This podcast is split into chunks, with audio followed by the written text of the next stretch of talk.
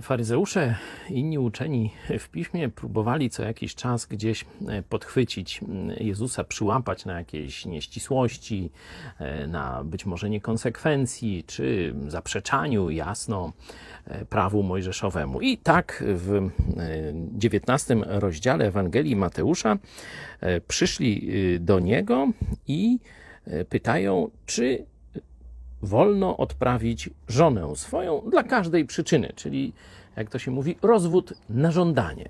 Nie? Prawo mojżeszowe zakładało, że jeśli mąż nie jest zadowolony z żony, no to pisze jej taki właśnie list i może ją z powrotem do ojca odprawić. Jezus mówi im tak. Czyż nie czytaliście, że Stwórca od początku stworzył mężczyznę i kobietę? Dlatego opuści człowiek ojca i matkę i połączy się z żoną swoją i będą ci dwoje jednym ciałem, a tak już nie są dwoje, ale jedno ciało.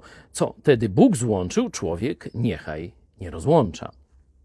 Pokazuje im Boży plan dla małżeństwa. Pokazuje im, że małżeństwo i stosunek seksualny zmieniają rzeczywistość. To już nie są po ślubie dwóch, dwoje oddzielnych ludzi, ale to już jest jedno ciało. Dlatego mówi, nie można tego rozdzielać. No to ci e, faryzeusze mówią, no ale przecież Mojżesz pozwolił jednak odprawić żonę.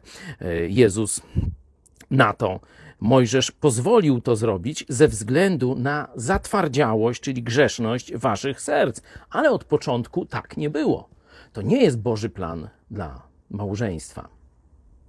I teraz jest ciekawostka. Włączają się już nie faryzeusze, ale teraz jego uczniowie.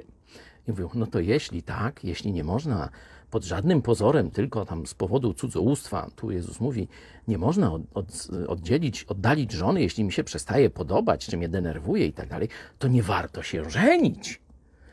Widać, że małżeństwo to rzeczywiście wyzwanie ponadnaturalne. Dlatego przynajmniej ja uważam, że możesz mu sprostać, że ja mogę mu sprostać tylko dzięki ponadnaturalnej pomocy Boga. Taki jest Boży plan.